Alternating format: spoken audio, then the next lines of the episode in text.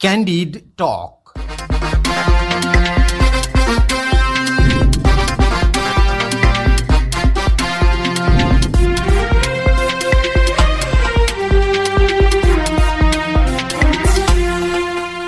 नमस्कार श्रोता रेडियो क्यान्डिडको प्रस्तुति कार्यक्रम क्यान्डिड टकमा तपाईँलाई स्वागत छ म तेजेन्द्र काफले यो कार्यक्रम तपाईँले शनिबार बाहेक हरेक दिन बिहान साढे छ बजेबाट आधा घण्टा सुन्दै आइरहनु भएको छ। तपाईँले हामीलाई नाइन्टी टू पोइन्ट सेभेन मेगाहर्चका साथै हाम्रो पात्रो रेडियो क्यान्डिडको एप्स डाउनलोड गरेर हाम्रो आधिकारिक website W W W dot radio Candid dot कमबाट हाम्रो आधिकारिक फेसबुक पेजबाट र पोडकास्टबाट समेत सुन्न सक्नुहुन्छ।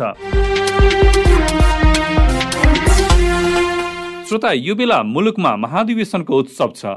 प्रमुख राजनैतिक दलहरू महाधिवेशनमा होमिएका छन्। एमालेको दशौं राष्ट्रिय महाधिवेशन आजबाट चितवनमा सुरु हुँदैछ। कङ्ग्रेसको महाधिवेशन मङ्सिर चौबिस गतेबाट माओवादीको राष्ट्रिय सम्मेलन पुस एघार गतेबाट हुँदैछ। राप्रपाको महाधिवेशन यही बुधबार सुरु हुँदैछ। हिजो मात्र नेता राजेन्द्र लिङदेनले अध्यक्षमा राप्रपाको तर्फबाट उम्मेद्वारी घोषणा गर्नुभएको छ। आजको कार्यक्रम क्यान्डी टकमा हामी आज सुरु हुने एमालेको राष्ट्रिय महाधिवेशन र यसले राष्ट्रिय राजनीतिमा पार्ने प्रभावबारे केन्द्रित रहेर राजनैतिक विश्लेषक एवं सहप्राध्यापक पिताम्बर भण्डारीसँग कुराकानी गर्दैछौँ। कुराकानीका लागि उहाँ यो बेला हाम्रो टेलिफोन सम्पर्कमा हुनुहुन्छ। पिताम्बर सर क्यान्डी टकमा यहाँलाई स्वागत छ। हस् धन्यवाद। यो आजबाट चितवनमा एमालेको दशौं राष्ट्रिय महाधिवेशन हुँदैछ। यही प्रश्नबाट यहाँलाई कार्यक्रमको सुरुवात गरे। महाधिवेशन बारे तपाईँको धारणा के हो? नेकपा एमालेको महाधिवेशन आजदेखि सुरु हुँदैछ चितवनमा। अब यो एउटा कुनै पनि राजनीतिक दलको नियमित नेतृत्व चयनको प्रक्रिया र राष्ट्रिय तथा अन्तर्राष्ट्रिय परिस्थितिमा उत्पन्न जति पनि विषयवस्तुहरू छन् ती विषयवस्तुहरूमाथिको छलफल दुईवटा आधारलाई मानेर नेतृत्व चयन र नीति सङ्गठनको त्यसपछिको कार्यभार कार्यदिशा सिद्धान्त यी आधारहरूमा नियमित प्रक्रिया अनुसार अगाडि जाने प्रक्रिया जस्तो लाग्छ। यो महाधिवेशनको सन्दर्भ चाहिँ अहिले पनि। हजुर। अब यो नेतृत्व चयन पनि पक्कै गर्छ एमाले। यो केही उम्मेद्वारहरूले आफ्नो उम्मेदवारी घोषणा पनि गरिसक्नु भएको अवस्था छ। सम्भावना कसको बढी देख्नुहुन्छ यहाँले नेतृत्वमा? विगतका घटनाक्रमहरूले जसरी देखाएको छ र नेकपा एमालेको महाधिवेशन पार्टी विभाजन भइसकेपछि जुन ढङ्गबाट जुन रफ्तारमा अगाडि बढेको छ त्यो सरस्वती हेर्दा र वर्तमान अध्यक्ष केपी शर्मा ओलीले अस्ति विधान सम्मेलन मार्फत केही विधान सम्मेलन मार्फत परिवर्तन गरी सहज परिस्थिति निर्माण गरेको सन्दर्भमा र कतिपय शीर्षस्थ नेताहरूले समेत ओलीको विकल्पका बारेमा खासै सार्वजनिक अथवा आफ्ना समूहहरूभित्र पनि छलफल नचलाएको देख्दा चाहिँ लाग्छ। फेरि पनि केपी शर्मा ओलीकै नेतृत्वमा पार्टी अगाडि जाने जस्तो देखिन्छ। भीम रावलले दिनुभएको उम्मेदवारीको विषयमा? अब यस्तो छ केही नेताहरू अगाडि आउनु भएको थियो जहाँनिर वर्तमान अध्यक्ष केपी शर्मा ओलीको जुन खालको नीति पार्टी सञ्चालन गर्ने सन्दर्भमा उहाँहरूले प्रश्न चिन्ह खडा गरेर आउन खोज्नु भएको थियो। केही समय अगाडि घनश्याम भोसाल र त्यसपछि फेरि भीम रावल जसरी अगाडि आउनु भएको थियो।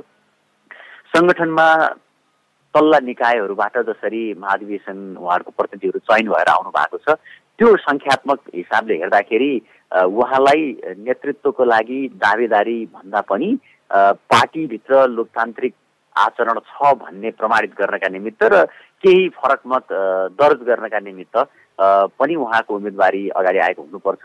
यसको अर्थ निर्वाचनभन्दा अगाडि नै परिणामका बारेमा सहजै अनुमान लगाउन सकिन्छ भनेको होइन। तर पनि जसरी त्यहाँ राजनैतिक समूहहरू जसरी थिए पार्टीभित्र भएको आन्तरिक किचलो टकरावहरूका बिचमा योभन्दा अगाडि सत्ता समीकरणदेखि लिएर केही अन्तर्राष्ट्रिय मुद्दाहरूमा समेत भएका विषयहरू जस्तै एमसिसीको विषयमा भीम रावलको फरक मत त्यसमा प्रधान त्यति बेलाका प्रधानमन्त्री केपी शर्मा ओलीको मौनता अथवा त्यताप्रतिको उहाँको झुकाव त्यो सबै हिसाबले हेर्दाखेरि म अझै पनि फरक छु भन्ने हिसाबले देखाउन खोजेको चाहिँ भीमरावलको प्रयास चाहिँ त्यतातिर हो जस्तो बढी लाग्छ मलाई। यो एमालेको महाधिवेशन जुन आज सुरु हुँदैछ पार्टीमा आन्तरिक लोकतन्त्र समाप्त भयो भनेर टिप्पणी गर्नेहरू पनि धेरै छन्। तपाईँको नजरमा पनि यस्तै हो कि फरक कुनै धारणा छ यहाँको? होइन यसमा निर्वाचन मात्रै लोकतन्त्रको परिचायक होइन जस्तो लाग्छ। आवधिक निर्वाचनले मात्रै प्रजातन्त्र लोकतन्त्र बलियो हुने भन्ने होइन। त्यो त्यो एउटा घटना विशेष हो निर्वाचन भनेको एउटा प्राविधिक कुरा जस्तो पनि लाग्छ। भलै निर्वाचनभित्र जोडिएका केही त्यस्ता प्रयासहरू छन् जसले कुनै पनि सङ्गठनलाई अथवा प्रक्रियालाई जीवन्त बनाउँछ त्यो एउटा पाटो त छँदै नै थियो।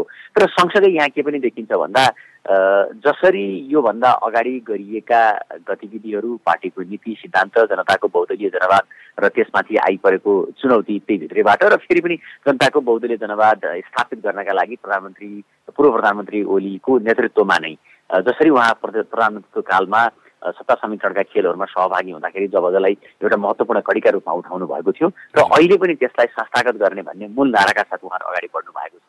त्यसले हेर्दाखेरि त के देखिन्छ भन्दा लोकतान्त्रिक पद्धतिबाट समूहगत रूपमा छलफल बनाइकन पार्टीको आगामी सिद्धान्त निष्ठा के हुने भन्ने विषयमा छलफल बढी नचलाइकन केवल नेतृत्व चयनको प्राविधिक कसीमा मडारिएको देख्दा चाहिँ कता कता त्यहाँभित्र भएको लोकतान्त्रिक पार्टीको चरित्र आफ्नो नेतृत्वलाई तल्लो तहका कार्यकर्ताले अथवा मिड टायरको लिडरसिपले चाहिँ क्वेसन गर्न सक्ने त्यो प्रश्न नै गर्न नसक्ने खालको स्थिति निर्माण गरेको देख्दा चाहिँ कता कता निर्वाचनलाई लोकतान्त्रिक आवरणमा मात्रै पदार्पण गर्न खोजिएको कि जस्तो पनि देखिन्छ। त्यो बचाउनको लागि पनि केपी ओली समूहले नै भीम रावललाई अध्यक्षको उम्मेदवारीमा अघि सार भन्ने चर्चा पनि चलिरहेको छ। यसमा सत्यता देख्नुहुन्छ कि भीम रावलको सिङ्गल उम्मेदवारी व्यक्ति आफै आफैले उम्मेदवारी घोषणा गर्नुभएको भन्ने लाग्छ?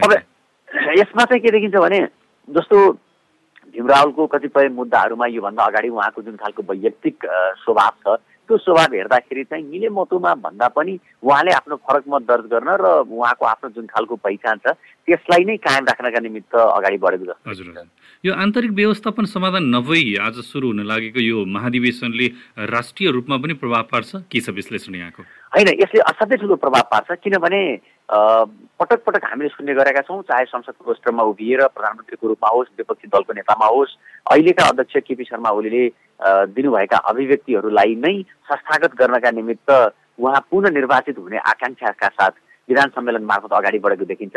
यसले पक्कै पनि उहाँले जुन बाटो हिँड्न खोज्नु भएको थियो अथवा नेपाललाई डोर्याउन खोज्नु भएको थियो अनि त्यो त्यही मार्गमा थप निर्वाचनलाई समेत केन्द्रित गरेर मेरै नेतृत्वमा चुनावमा जान्छु र यी मुद्दाहरूलाई अझ घनीभूत ढङ्गले अगाडि लैजान्छु भन्ने उद्देश्यका साथ निर्वाचन महाधिवेशनको स्थलको छनौटदेखि लिएर विपक्षी दलका नेताहरूप्रति उहाँको त्यो स्वभाव जुन छ त्यो बोल्ने स्वभाव। अहिले पनि त्यसमा बदलाव नआएको देख्दाखेरि चाहिँ यसले पक्कै पनि राष्ट्रिय राजनीतिमा पनि प्रभाव पार्छ। त्यो राष्ट्रिय राजनीतिको प्रभाव भनेको सत्ता परिवर्तनसम्मको हुन सक्छ भन्ने अनुमान हो यहाँको? अब सत्ता परिवर्तनको सम्म पनि एउटा पाटो त त्यो भयो तर अहिलेको संविधानले जसरी निर्दिष्ट गरेर वर्तमान सरकार हिँडिरहेको छ अब यसको विकल्पमा यही यही भित्र विकल्प निर्माण गर्ने भन्दा पनि निर्वाचनमा घुमिँदाखेरि उहाँले नयाँ गठबन्धन निर्माण गर्ने अथवा त्यसपछि गएर केही एजेन्डाहरूमा पार्टीलाई त्यो एजेन्डासँग सहमत गराउँदै लैजाने। जस्तो उहाँले प्रधानमन्त्री कालमा लिनुभएका जति पनि मुद्दाहरू थिए नि यी धर्मका विषयमा किन नहुन् अन्तर्राष्ट्रिय सम्बन्धका बारेमा किन नहुन् होइन? यी सबै विषयहरूलाई फेरि पनि बलियो अध्यक्षका हैसियतले अगाडि बढाउने हो कि भन्ने सम्भावना देखिन्छ त्यसो भए महाधिवेशनले फेरि आगामी निर्वाचनको लागि एमालेलाई एउटा बलियो आधार दिन्छ भन्ने यहाँको अनुमान रह्यो? एउटा आधार चाहिँ त्यहाँनिर छ किनभने हरेक दलभित्र केही न केही प्रकारका असन्तुष्टिहरू छन् आफ्नै दलभित्र। तर पार्टी विभाजन पछि पनि शक्तिशाली मानिएका नेताहरू प्रधानमन्त्री ओलीले नेकपा एमालेमै राख्नु।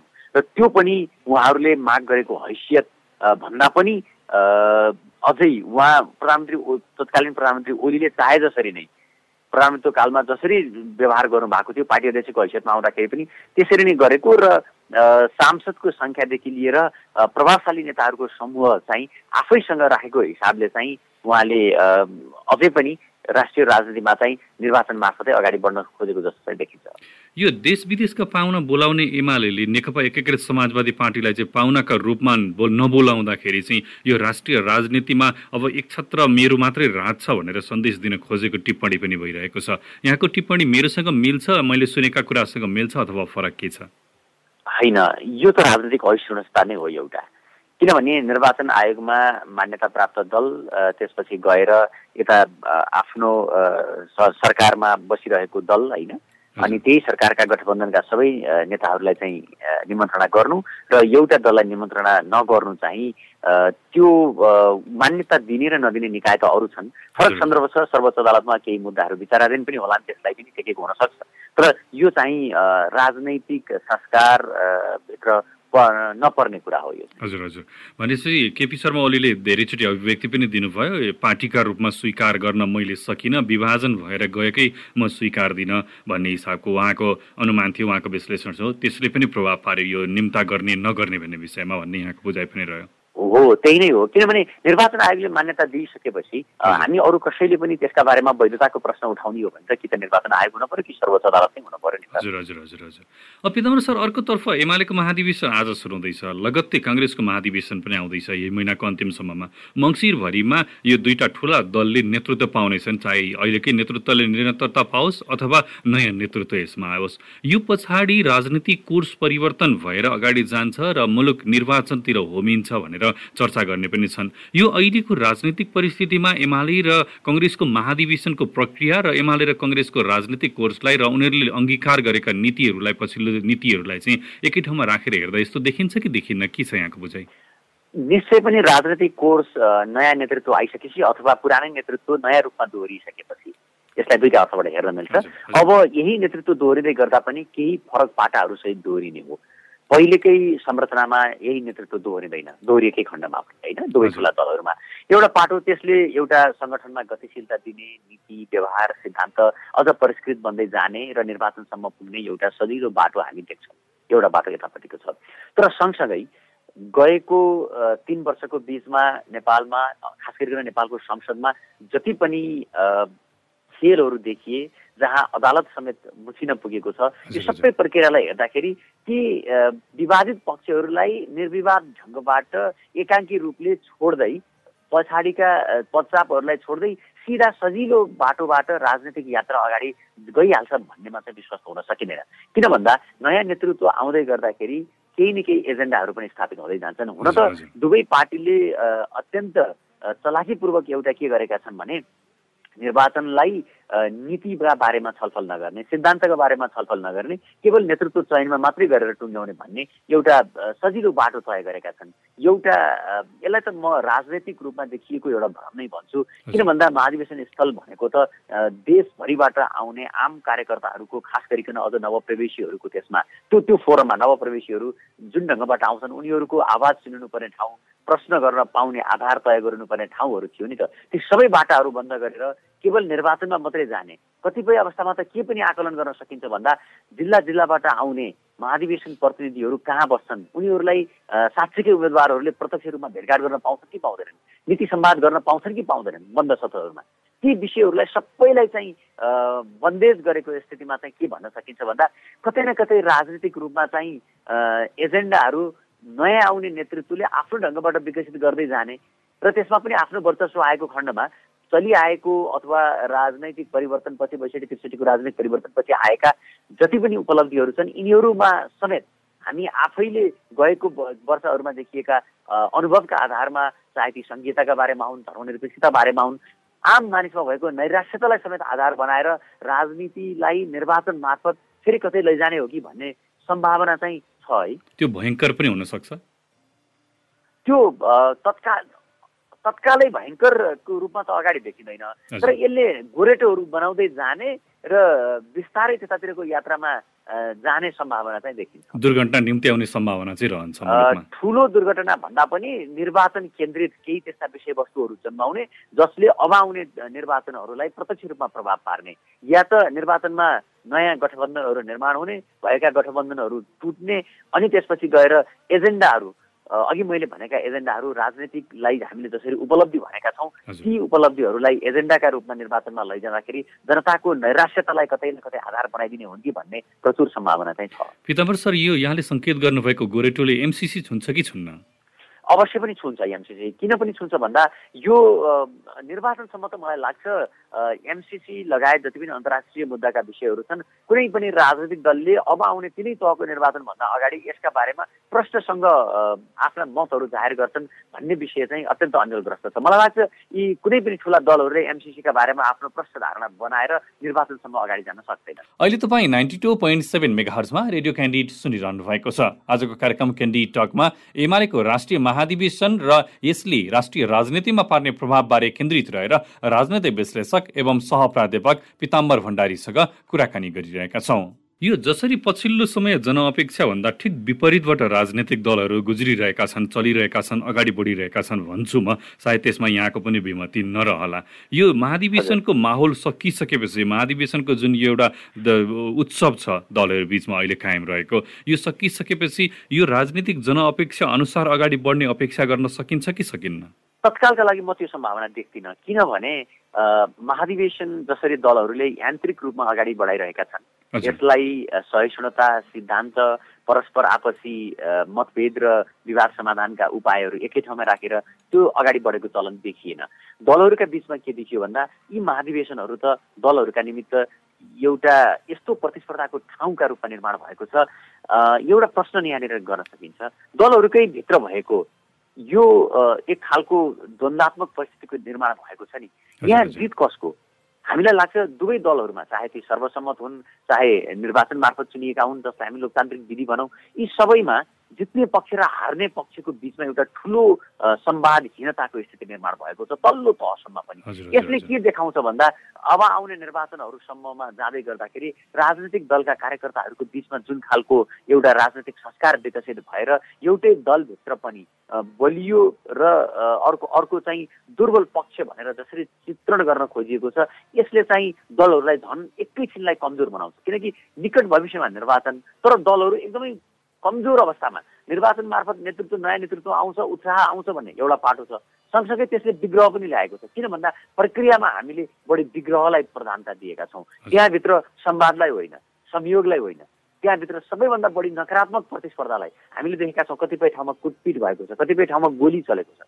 यसले तत्काल त्यो आलो घाउले दलहरूलाई एकट्ठा बनाएर चाहिँ निर्वाचनमा घुमिन लैजान्छ भन्ने त्यो त्यो परिस्थितिको आकलन गर्न नसकेको स्थितिमा चाहिँ दलहरूमा जुन खालको ऊर्जा हामीले अपेक्षा गरेका छौँ लोकतन्त्रलाई अगाडि लैजाने समस्याहरूलाई सम्बोधन गर्ने दलहरू बलिया भएर आउने जुन खालको बाटो हामीले परिकल्पना गरेका छौँ त्यो बाटो चाहिँ एकैछिन अझै पनि राम्रोसँग अगाडि बढेको छ तल्लो तल्लो तहसम्म र सामान्य कार्यकर्तासम्म राजनैतिक तुष्टि बाँकी रहिरहन्छ र कायम रहन्छ त्यही अनुसार रहन्छ अगाडि तुष्टि रहिरहन्छ। हजुर हजुर।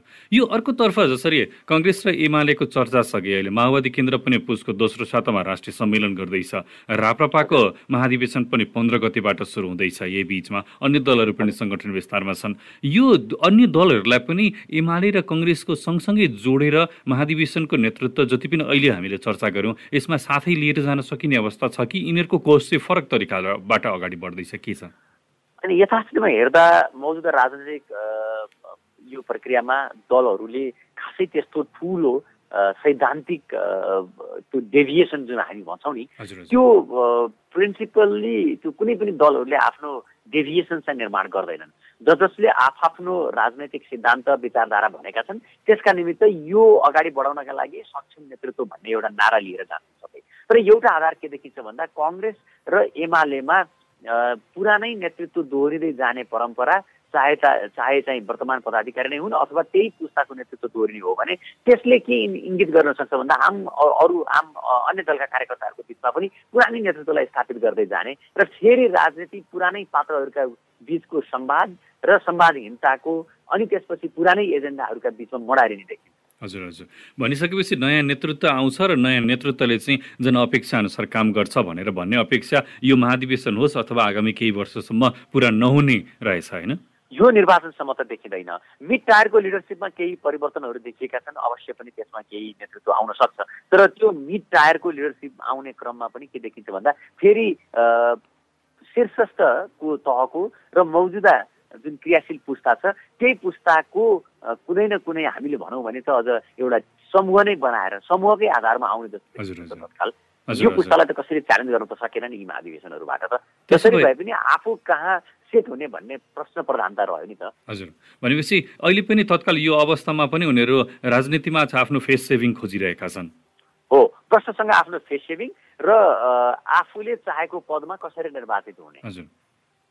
अब अर्कोतर्फ हेर्दाखेरि जसरी यो यहाँले अनुमान गर्नुभयो यहाँले विश्लेषण गर्नुभयो आङ्कलन गर्नुभयो कि यो जुन नेतृत्व दोहोरिन्छ यो नेतृत्व दोहोरिरह्यो भने जनताले अपेक्षा गरे अनुसारको उच्चतम राजनैतिक संस्कारको परिकल्पनामा पनि परको विषय हुन पुग्यो होइन? त्यो असाध्यै परको विषय हो किनभने राजनीतिक संस्कार भनेको त हामीले एकै रातमा बनाउने कुरा होइन रहेछ। बैसठी त्रिसठी पछि हामी राजनीतिक संस्कारलाई यस्तो ढङ्गबाट विकसित गर्दै आयौँ कि लोकतन्त्र आइसकेपछि अल्पमतको सम्मान होइन? त्यसपछि अल्पमतको आवाज सुन्ने प्रश्नहरू सुन्न सक्ने त्यो संस्कार त सबै भत्कायौँ नि हामीले इन्स्टिट्युसन भत्कायौँ।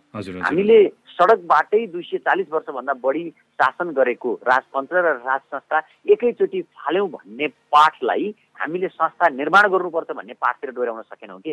हुँदा हुँदा अहिले आएर सबै संस्थाहरूमा हामीले कस्तो ढङ्गबाट चाहिँ च्यालेन्ज गर्न थाल्यौँ भन्दा आफूलाई लाग्यो कसैले केही गल्ती गरेको छ भने त्यसलाई पनि राज संस्था त फाल्यौँ भने अब यी त को हुन् र भनेर दलभित्र होस् अथवा अन्य संस्थामा होस् कुनै नेतृत्वप्रतिको स्थापित जो व्यक्ति आफैमा एउटा संस्थागत स्वरूप लिएर अगाडि आएको थियो उसलाई च्यालेन्ज गर्ने विधिहरू पनि हामीले लोकतन्त्र भित्रको विधिहरू निर्माण गरेनौँ। केवल त्यसमा नैराश्यता त्यसमा चाहिँ एक प्रकारको विभेद एक प्रकारको त्यो अघि तपाईँले भन्नुभएको छ नि राजनीतिक तुष्टि। त्यो राजनीतिक तुष्टिका आधारमा हामीले संस्थाहरू भत्काउने र बिगार्ने गर्नतिर थाल्यौँ। त्यसले गर्दाखेरि तत्काल राजनीतिक संस्कार निर्माण गर्ने भन्दा पनि जुन खालको क्षयीकरण हुँदै आएको थियो राजनीतिक संस्कार त्यही क्षयीकरणकोतिर चाहिँ हामी अगाडि बढिरहेका छौँ। हामीले त ठाउँ ठाउँमा देख्छौँ नि त अहिले। केही सामाजिक सञ्जालमा आएका अभिव्यक्तिहरू देखेका छौँ टिप्पणीहरू देखेका छौँ जिल्ला स्तरमा होस् अथवा क्षेत्रीय स्तरमा भएका विभिन्न राजनीतिक दलका चाहिँ त्यो त्यो स्तरमा भएका महाधिवेशनहरू अधिवेशनहरूमा हामीले देखेका छौँ नि त एकले अर्कालाई गरेको व्यवहार टिप्पणी। त्यसले पनि त त्यो राजनीतिक संस्कारलाई त हामीले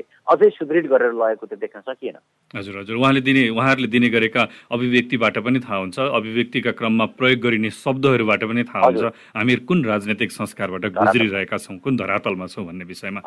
अर्कोतर्फ पिताम्बर सर जसरी महाधिवेशनको अहिले उत्सव चलिरहेको छ दलहरू बिचमा तर राष्ट्रिय एजेन्डाहरू जति छन् ती एजेन्डाहरू ओझेलमा छन्। यो जानी जानी एजेन्डाहरू ओझेलमा पारिएका हुन् अथवा महाधिवेशनले यसलाई थिचेको छ? के छ यहाँको बुझाइ?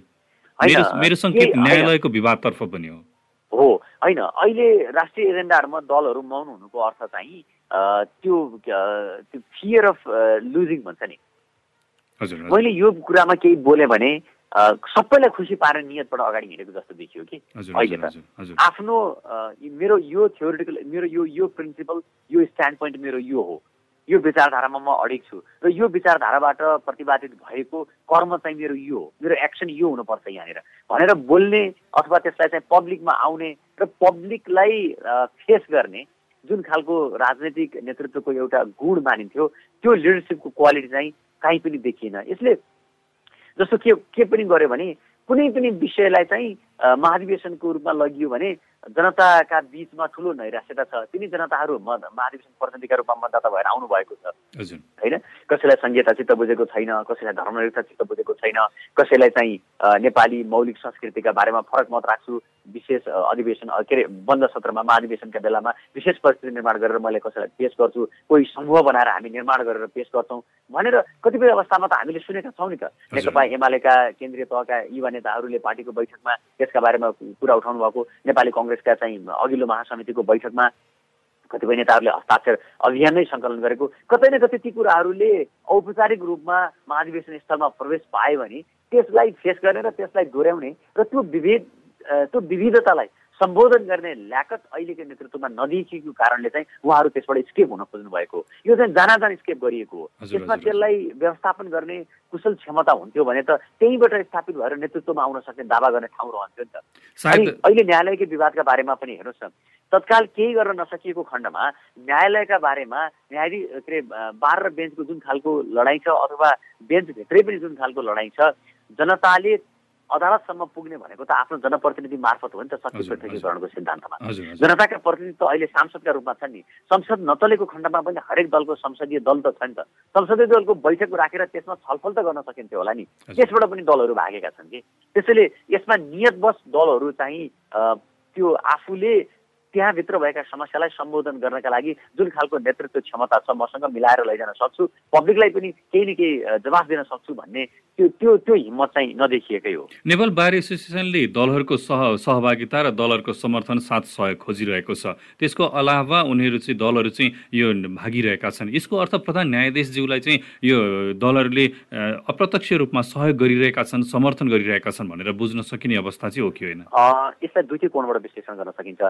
एक हिसाबले हेर्दाखेरि बारमा हुनुभएका पदाधिकारीहरूको हामीले हेऱ्यौँ भने निर्वाचन लड्दाखेरि उहाँहरू प्रगतिशील र लोकतान्त्रिक भनेर प्यानलै बनाएर लड्नुहुन्छ। हामीलाई त्यो प्रश्न थाहा छ होइन? त्यसैले हो पेसागत मर्यादाको हिसाबले दलीय राजनीतिभन्दा पेसागत र शुभेच्छुक संस्थाहरूकै हिसाबले माथि नै हो उहाँहरू। त्यसमा दलहरूको समर्थन खोज्ने भनेको चाहिँ अवश्य पनि पब्लिकको सपोर्ट खोजेको जस्तै हो त्यहाँनिर। न्यायालयको विवाद कस्तो हुँदो रहेछ भन्दा आम मानिसलाई प्रत्यक्ष रूपमा नछुने विषयवस्तुहरू भयो भने आम मानिस सडकमा आउने जस्तो देखिँदैन त्यहाँभित्र। त्यो परिचालनका दृष्टिले पनि। अब अब बारका पदाधिकारीहरू अथवा मानव कानुन व्यवसायीहरूले चाहिँ आम मानिसलाई सडकमा आउन अपिल गर्न पनि मिल्दो रहेछ। त्यसै सबैलाई छुँदो रहेन रहेछ होइन? एउटा बाटो भयो त्यसको आधारमा बलियो शक्ति भनेको दलहरूले उहाँहरूले दलको मुख ताक्ने भनेको दलहरूले महाभियोग लगाइदिउन् भन्ने हो त्यहाँनिर होइन? तर दलहरूले महाभियोग लगाउनका निमित्त पनि त फेरि अप्ठ्यारो छ नि त। अर्को एङ्गलबाट हेरौँ न। के को आधारमा दलहरूले महाभियोग लगाउने। हरेक दल दलहरूभित्र पनि त त्यसको बारेमा सहमति हुन पऱ्यो फेरि। आधार के त? र जब न्यायालयमा हामीले त अघिल्लो अघिल्लो प्रधान न्यायाधीशहरूकै पालामा महाभियोग लगाउँदाखेरि त कङ्ग्रेसले निर्वाचनमा जुन खालको हार बेहोर्नु पर्यो त्यसको परिणाम त सबै दलहरूलाई त काहीँ न काहीँ त अहिले छ। एक प्रकारको डर पनि छ। किन भन्दा कतिजना न्यायाधीशलाई कतिजना प्रधान न्यायाधीशलाई के को आधारमा कुन निर्णयका आधारमा? त्यो त दलहरूले प्रश्नसँग जवाफ दिनु पर्यो नि त। अहिले आम मानिसहरूले प्रश्न गर्दै गर्दाखेरि दलहरूले दिने जवाब र इतिहासमा अभिलेखका रूपमा रहने नजिर स्थापित गर्ने त यिनी दलहरू छ फेरि भोलि त्यस्तै घटना आउँदै गर्दाखेरि सामान्य अवस्थामा नै महाभियोग लगाउँदै जाने अनि त्यो हुँदै गयो भने त्यसले कस्तो नजिर स्थापित गर्छ भन्ने कारणले गर्दाखेरि पनि दुइटै कारण छ यहाँनिर। दलहरू डराउनु त डराएकै हो यसमा तर दलहरू डराउनुको पछाडि दुईवटा कारण। एउटा गलत नजिर बस्छ भन्ने कारण अर्को आफूहरूको बिचमा एक खालको एकता छैन। न्यायालयलाई न्यायालयभित्र भएको जुन खालको हामीले भनेका छौँ त्यहाँभित्र भएका खराबीहरू छन् त्यसलाई शुद्धिकरण गर्ने अभियानमा त दलहरू बिचकै एकमत छैन दलहरू केही वर्ष अगाडि सांसद भएका मानिसहरू होइन क्रियाशील राजनीतिमा भएका मानिसहरू आज सर्वोच्च अदालतमा हुनुहुन्छ। त्यो कारणले गर्दाखेरि पनि दरहरूलाई अप्ठ्यारो परेको हुनसक्छ अर्कोपल्ट ए अर्को पाटोबाट हेर्ने हो भने एकअर्काप्रतिको अविश्वासको कारणले गर्दाखेरि पनि महाभियोगकै प्रस्तावमा अगाडि बढ्न नसकेका पनि हुन् दलहरू। होइन प्रश्नसँग त्यो त पूर्व प्रधानमन्त्रीले पनि भनिसक्नुभयो त्यसमा। अब यदि महाभियोग लगाउने अथवा त्यहाँभित्र कसैको राजीनामा मान्ने हो भने एकजना प्रधान न्यायाधीश होइन कि त्यो फैसला गर्ने पाँचैजनाले गर्नुपर्छ। भनेर उहाँले पनि कुरा उठाइसकेपछि त्यहाँनिर त हामीले प्रश्न प्रश्नसँग देख्न सक्छौँ। राजनीतिको जुन खालको घटना परिवेश चलिरहेको थियो त्यो त प्रत्यक्ष रूपमा अदालत त देखिएको छ। किनभने अदालतले एउटा मुद्दा परिसकेपछि एउटा एउटा फैसला त दिनै पर्यो। अनि फैसला दिँदै गर्दाखेरि हामीले सडकमा छताछुल्ल पक्ष र विपक्षमा देखिसकेका थियौँ। निश्चय पनि एउटा फैसलालाई अर्को चित्त नबुझेको मान्छेको स्वाभाविक लिँदैन। है? अगाडि नै सडकमा आन्दोलन भइसकेपछि त पक्ष र विपक्षमा आन्दोलन भइसकेपछि त अदालत त नराम्रोसँग ड्र्याग भयो। होइन? त्यसले गर्दाखेरि अदालतलाई यो रूपमा पुर्याउनमा त दलहरूको नै हात छ नि त। अर्को अर्को पाटोबाट हेर्ने हो भने जसरी जसरी प्रधान न्यायाधीशज्यूले चाहिँ प्रतिनिधि सभा पुनस्थापित गरेर जुन गुण दलहरूलाई लगाउनु भइरहेको छ अहिले महाभियोगको प्रस्तावमा दलहरू अगाडि नबढिदिएर त्यो गुण तिरिरहेका छन् भन्ने चर्चा पनि छ। यसमा सत्यता देख्नुहुन्छ यहाँले कि? होइन यस्तो छ। सरसर्ती हेर्दाखेरि चाहिँ त्यो त्यो विशुद्ध राजनैतिक कोणबाट हेर्दा चाहिँ त्यो सही देखिन्छ हेर्नुहोस्। होइन? राजनीतिक कोणबाट मात्रै हेर्दाखेरि त्यो सही हो कि जस्तो देखिन्छ। गुणको अवसरमा होइन? त्यो देखिन्छ। तर त्यही भित्रको रूपमा पनि हेर्ने हो भने त हामीले सुनेका थियौँ नि त कता कता अदालतभित्र पनि त्यो निर्णय दिने बेलामा पनि अल्पमत र बहुमतका कुराहरूमा त्यति बेला प्रधान न्यायाधीशको पोजिसन के थियो न्यायाधीशहरूको पोजिसन के थियो त्यो त प्रश्नसँग बाहिर आइरहेको थियो नि त। त्यो कारणले गर्दाखेरि यो गुण तिरेर नतिर्ने एउटा राजनीतिक कोण भयो। तर विधिको शासनको कोणबाट हेर्दै गर्दाखेरि त हामीले कतै कतै न कतै अनि यो यस्तै नजर स्थापित हुँदै गयो भने भोलि के हुने भन्ने एउटा एउटा चाहिँ अप्ठ्यारो स्थिति छ र अदालतलाई यो स्थितिमा ल्याउनुमा चाहिँ राजनीतिक दलहरूको ठुलो भूमिका छ। एउटा वडा अध्यक्षदेखि लिएर सांसदको पद हुँदै प्रधानमन्त्रीसम्म अदालतमा पुगेर यातना र अदालतमा पुगेर झगडाको थलो बनाइसकेपछि अदालतको युरोप स्थिति उत्पन्न नभएर त अर्को के हुन्छ? हस् धन्यवाद पितामर सर। समय दिनुभयो। क्यान्डी टकको लागि यहाँले। आजको कार्यक्रम क्यान्डी टकमा हामीले एमालेको राष्ट्रिय महाधिवेशन र यसले राष्ट्रिय राजनीतिमा पार्ने प्रभावमा केन्द्रित रहेर राजनैतिक विश्लेषक एवं सहप्राध्यापक पिताम्बर भण्डारीसँग कुराकानी गर्यौं। हवस् त क्यान्डी टकको यो अङ्क आजलाई यति नै। भोलि शनिबार हाम्रो कार्यक्रम प्रसारण हुने छैन। आइतबार नयाँ विषयवस्तु अनि नयाँ अतिथिका साथमा आउने नै छौँ। प्रविधि संयोजनको लागि किशोर श्रेष्ठ र सृजना भुजेललाई धन्यवाद। कार्यक्रमबाट म तेजेन्द्र काफले भने बिदा माग्छु। रेडियो क्यान्डिड सुन्दै गर्नुहोला। नमस्कार। Candid talk.